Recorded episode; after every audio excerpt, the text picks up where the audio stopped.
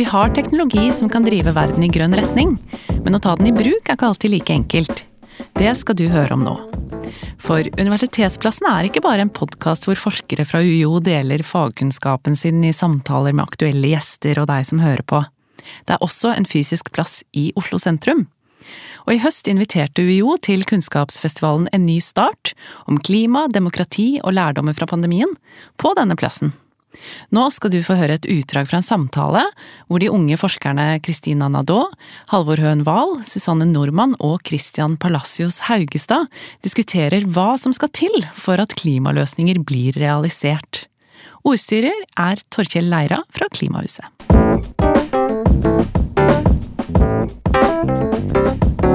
Velkommen til alle dere. Rett på sak for at vi skal bli litt bedre kjent med dere. Vi begynner med deg, Christian.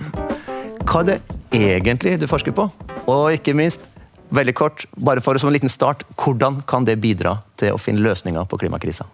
Da jeg tok eh, mastergrad, så ble jeg mer og mer oppmerksom på dette her med uh, hvordan vi er en del av et mye større system, og hvordan strukturer har veldig mye å si for hvilke valg eh, vi tar. og Det eh, gjorde at jeg skrev masteroppgave om eh, skolestreik for klima, der vi så at de unge var ute på gatene og eh, viste at eh, man trenger felles løsninger, og ikke bare løsninger på individuelt eh, nivå. Um, så det var på en måte veien min eh, inn på doktorgraden. Og ut fra det så um, fortsetter jeg litt på samme spor og skal forske på dette her med følelser. Det er mange som er veldig optimistiske for hvordan vi kan bruke følelser for å engasjere flere i uh, klimaspørsmålet. For hadde informasjon vært nok for å gjøre noe med klimakrisa, så hadde vi gjort det allerede. Vi trenger å engasjere flere eh, ved å bruke andre eh, virkemidler. Og da skal jeg undersøke det, nemlig følelser. Eh, klimaangst f.eks., økosorg, sånne ting som er mye snakket om nå for tida. Og Forhåpentligvis da, så kan jeg bruke denne kunnskapen jeg kommer til å få etter hvert, for å kunne kommunisere klimakrisen på en bedre måte som engasjerer eh, flere og eh, samler folk til eh, felles handling. Da. Vi går videre til Kristina. Din forskning, hvordan kan det bidra til klimaløsningene? Det som er viktig for meg, er å liksom knytte sammen det kunnskap vi har om vippepunkter i natur og miljø, med hvordan vi liksom uh, jobber med det i samfunnet det er det viktigste for, for, for meg. Og det er òg viktig at det, det, er mange som jobber med dette her. Og vi må jobbe sammen. Det er en del av prosjektet mitt. Mm. Takk skal du ha. Vi går videre til Halvor. Nå er jeg på Kjemisk institutt og forsker på det er litt tabloid, liker å kalle neste generasjons bærekraftige superbatterier. For jeg er overbevist om at batterier kommer til å spille en nøkkelrolle her i det her grønne skiftet, for at vi skal få bukt med denne fossilavhengigheten vår. Og det er på egentlig veldig mange måter, bl.a. det å bedre kunne utnytte den fornybare energien vi genererer.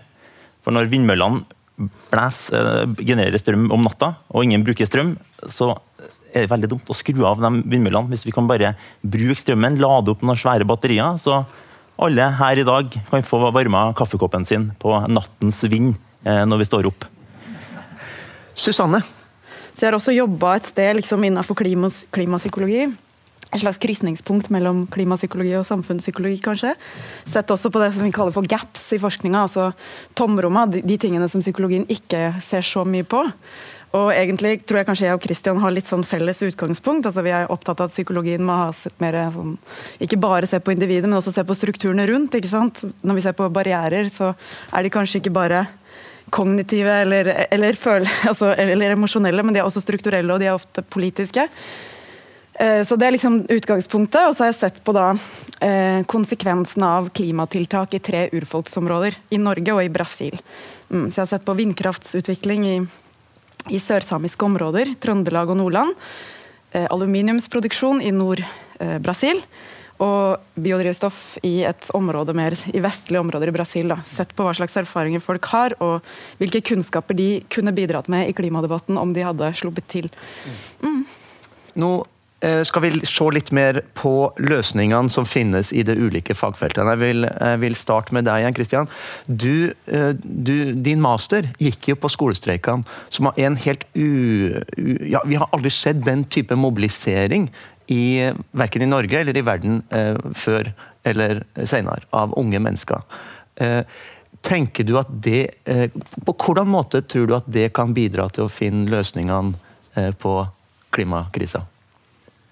Veldig godt spørsmål. Men uh, det jeg tror uh, skolestreikbevegelsen i Norge og globalt på en måte står for, da, er nettopp dette med å ikke se på klimakrisa som noe som angår den enkelte, men at det er noe som trenger at vi gjør felles, eh, en felles innsats eh, rundt dette her. Eh, fordi mange av de ungdommene jeg intervjua på streik, var veldig opptatt av dette her med å ikke peke fingre på de voksne eller si hvem som har ansvar, og legge skyld på dem, men heller å prøve å finne felles løsninger og snakke om, om det sammen. og dro veldig mye nytte ut av dette her med å identifisere seg med en gruppe. Eh, og det var en av de tingene som eh, var veldig tydelig da, i motivasjonen blant de unge. At eh,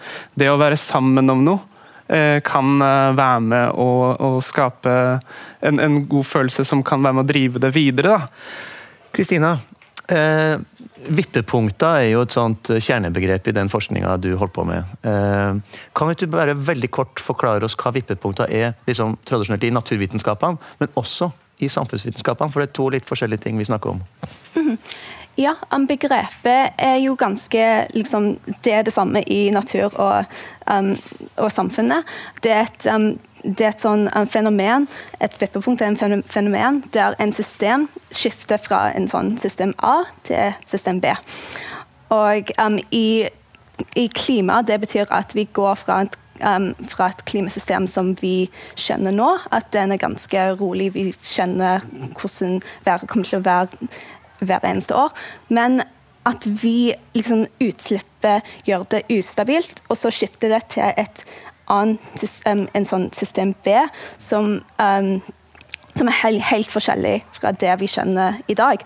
Og den skiftet mellom de to systemene, det er veldig sånn kaotisk. Og det kjenner vi kanskje nå i dag, at systemen begynner å skifte seg litt. Og det er ganske sånn worst case scenario med vippepunkter i natur og miljø og i, i klima.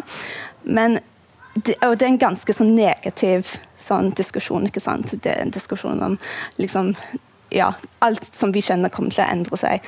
Og det er ikke bra for oss. ikke sant? Um, men i vippepunkter i samfunnet, det, handler, det er litt mer sånn positiv um, diskusjon.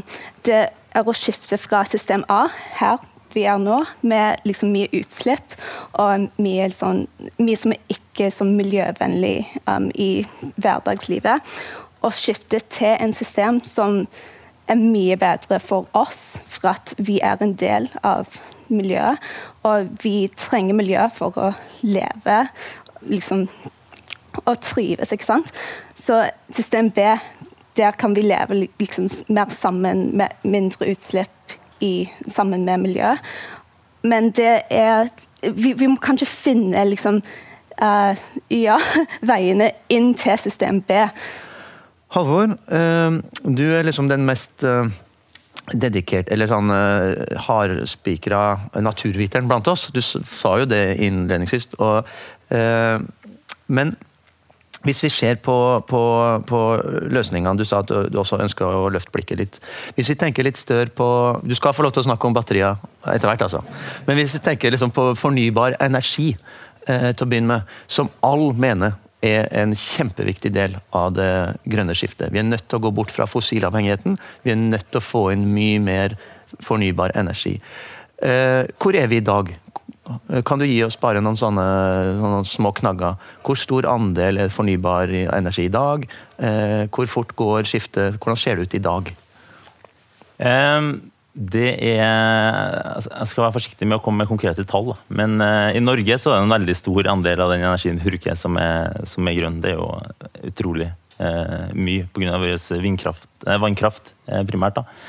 Eh, man ser jo på, på rundt omkring i verden så øker det jo mer og mer andelen fornybar eh, energi. og det F.eks. solceller. Strøm fra solceller er blir jo bare billigere og billigere, og er jo konkurransedyktig. Det er ikke sånn at folk velger eh, solceller fordi for å få god samvittighet, nødvendigvis, men fordi det er faktisk det som er mest lønnsomt, eh, kontra eh, mer fossile måter å f.eks. varme opp eller sånne ting på. da. Hvor er vi i dag på batteri eh, i forhold til der vi var for ti år siden? Hvor, fort går endringene der? Det har skjedd veldig mye. Det har blitt veldig mye billigere. etter, eh, altså Det starta jo da, tidlig 90-tall med, med litium-ion-teknologien og, og sånn mobiler og laptoper. og Det har liksom drevet utviklinga, og så har den liksom skutt skikkelig fart når elbil, elbilene har blitt konkurransedyktige. Eh, og det har bare bidratt til at insentivene for å videreutvikle og optimere mer og mer, det har blitt eh, ja, de er kjempesvære. da. Susanne, jeg føler vi har god bru over til det du jobber med. Du nevnte jo innledningsvis at du har jobba også med, med, med, med, gruve og med urfolk. Hva er de løsningene, hva er bidrag som kunne ha kommet fra urfolk hvis de hadde blitt hørt på? Ja. Kan du si Ja. noe om det? Ja, Verden er jo veldig divers, og det er jo vanskelig for meg å si. Det er liksom, urfolk er jo kjempediverse, men det er hvert fall, vi skal jo også fokusere på de positive tinga. Og jeg tenker Det positive er at urfolks kunnskaps viktighet utover sine egne samfunn, men globale viktighet, er i økende grad anerkjent. Så i FN-rapporter, klimarapporter som har kommet de siste årene, så er det sånn at i økende grad så anerkjennes det. Sånn at uh, Det er viktig. og det, det handler om at urfolks tette hva skal jeg si, eh, liksom produksjonssystemer og kulturelle systemer som er så kobla på naturressursene, altså de lever veldig tett på naturressursene, det er en av grunnene til at eh, mye er fortsatt bevart, da, selv om mye kanskje er tapt over tid ikke sant, i menneskehetens historie. og Endringene skaper jo nye kunnskaper, og noen, noen går tapt, men det er, det er mye der som er relevant for å møte klimautfordringene. Eh, utfordringen er våre vestlige institusjoners evne til å liksom ta opp i seg den kunnskapen. Eh, der er kanskje barrieren, da. Mm. Men, men det er jo tross alt positivt at det eksisterer mye divers kunnskap der ute, og at man i økende grad, i hvert fall sånn på et internasjonalt plan, ser at det er viktig. Ja. Mm. Nå kom jo pandemien. Vi hadde verdenshistoriens største eh, eh, miljødemonstrasjoner i gatene i Norge og i verden. Eh, fantastisk eh, engasjement og veldig tydelige krav eh, til politikerne. Så kom pandemien og la litt sånn lokk på det der, og nå begynner det liksom å boble litt igjen. Men hvordan kan vi, hva kan vi gjøre for at liksom kravene fra skolestreikungdommen og de nye generasjonene i større grad blir liksom hørt på av dem som sitter med makta? Av næringslivsledere, av politikere? Hva tenker du om det? For min del så tenker jeg at eh, det er på en måte en, eh, en form for oppvåkning, da. Dette her med pandemien, og at eh, vi har sett at samfunnet har hatt evne til å endre seg på ganske rask tid. Og eh, folk er med på de tiltakene som eh, foreslås av regjeringen, fordi man ser at problemet er såpass stort, og at de tiltakene som foreslås, gir mening, basert på den kunnskapen man har, og hva man føler selv. Frykt, ikke sant.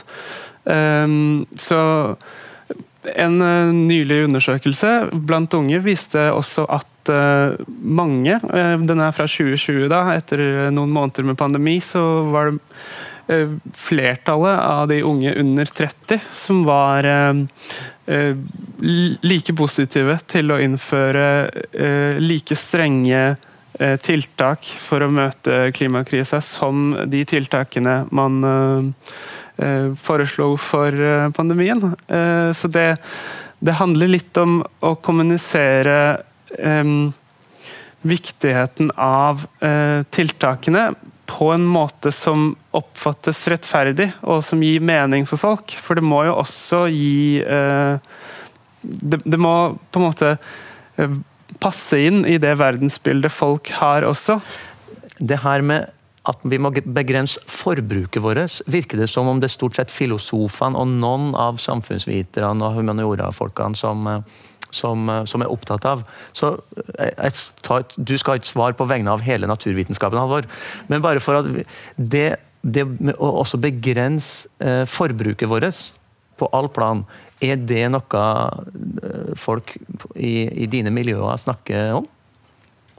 Ja, det jeg oppfatter som eh, altså veldig eh, altså, Jeg kan jo bare snakke for meg sjøl og mine kollegaer. Altså, vi er opptatt av å gjøre såkalte miljøvennlige valg i hverdagen. Og, og det er ikke sånn at vi blokkerer den når vi går ut og forsker på batterier. Eh, Men vi går jo ikke inn for å lage batterier som ikke går like langt for å hindre folk i å kjøre langt, på en måte. Nei. Eh, Men, Nei, men men- vi skal gjøre det effektivt, selvfølgelig.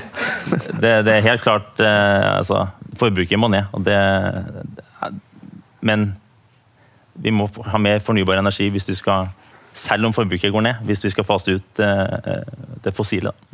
Kristina, eh, igjen vippepunkter. Det man kan se med, med, med, med i hvert fall deler av det, av det norske samfunnet, og også globalt. Sant? Det her med gjenbruk og, og, og legge et, legge et eh, Ja, prøve å redusere forbruket generelt. Kan det kan, kan det være noe Kan vi se antydninger til noen vippepunkter rundt det? At det kan gå fra å være en litt sånn nisjesak eh, til å ta av og bli noe samfunnsledende? Det kan være en, sånn- en element i samfunnet. Um, som sagt, vi trenger jo mange elementer for å komme som må knyttes sammen for å liksom ha et så bærekraftig samfunn til slutt. Um, men ja, det tenker jeg. Um, bare, jeg skal bare si litt om uh, det Kristian sa. Um, jeg tror at pandemien har sikkert vært et sånn oppvåkningstid. Vi har sett at systemet våre er ikke så stabilt som vi trodde kanskje før. Og ja, det, det er ikke så kjempevanskelig å ta disse endringer som vi trenger for å komme oss videre. Men ja, det er mange elementer som må liksom knyttes sammen, og det er ikke et lett det, det, det er ikke bare én lett svar på dette her. Men um, vi trenger mange elementer og mange fra forskjellige felter for å komme sammen og snakke sammen som dette panelet her. Um, for å jobbe på dette temaet og liksom stiger fram sammen, på en måte. Vi skal gå inn for landing. Eh, Jeg har gitt dere en siste utfordring. Vi vet at eh, bare om ei drøy uke så er det stortingsvalg. Eh, Og vi er så heldige at vi har rektor Svein Stølen i salen. Så den todelte utfordringa til, til de unge forskerne fra UiO er altså for å få til et rettferdig grønt eh, skifte, hva er ditt beste råd til rektor Svein Stølen? Og til den statsministeren som, vi som eh, vil Hvem enn den måtte bli, fra høyre eller sentrum eller venstresida, hvem den måtte bli, den neste statsministeren i Norge. Ja, kjære rektor. Um jeg oppfordrer deg til å presse på i enda større grad og prøve å få tilpassa utdanningene. Henge med i utviklinga. Tilpasse dem til framtidas arbeidsliv. Eh, studentene som utdannes nå, de er jo bærebjelkene i det grønne skiftet de neste 50-60 eh, 60 årene. Helt konkret, eh, kanskje flere interdisiplinære emner, spennende emner, f.eks. innenfor batteriteknologi. Så vi kan eh, både trekke til oss studenter som ser at det her er det jeg vil eh, jobbe med, men samtidig også bidra til at Norge får denne kompetansen eh, nasjonalt, da, som, er, som er alfa og omega. Til statsministeren, ser jeg rett inn i kamera. Eh, jeg oppfordrer deg til å tenke litt lenger enn din egen nesetipp, eh, som er de neste fire årene bare. For Vi må omstille oss, og det er så fort som mulig. Eh, Hvis ikke så risikerer vi å sitte der med skjegget i oljetønna om et par år. Eh, Så helt konkret, da, hvis vi bare kunne frigitt noen av de midlene som vi skattebetalere bruker på å subsidiere oljeleting, heller til å da stimulere til vekst innenfor fornybare industrier, der Norge har alle forutsetninger for å være eh, foregangsland. Det kan være elektrifisering av maritim skipsfart, det kan være offshore vind, det kan være batteriproduksjon. Det må bare satses. Veldig bra. Susanne, vær så god. Ja, ok. For å bygge videre på deg, da, så vil jeg også si til den neste statsministeren at eh, den grønne industrialiseringa, det grønne skiftet, må ha et internasjonalt perspektiv. Det må ha et bredere perspektiv, et mer inkluderende perspektiv. Vi ønsker å bevare norske arbeidsplasser, men det kan ikke gå på bekostning av, eh, av, eh, av andre samfunn. Eh, mm. Eh, så det var til statsministeren. Og så til, til, rektoren. Så mener jeg det er viktig å legge til rette for, eller å sikre akademisk frihet og bredde, selv innenfor et så presserende tema som det grønne skiftet. Eh, og der tror jeg UiO har et potensial for å styrke. Du har hørt et redigert opptak fra festivalen Universitetsplassen en ny start. Du kan høre flere aktuelle episoder om pandemi, psykisk helse, demokrati, klima og mye mer i UiOs podkast Universitetsplassen. Du finner oss der du lytter til podkast. Jeg heter Mari Lilleslåtten.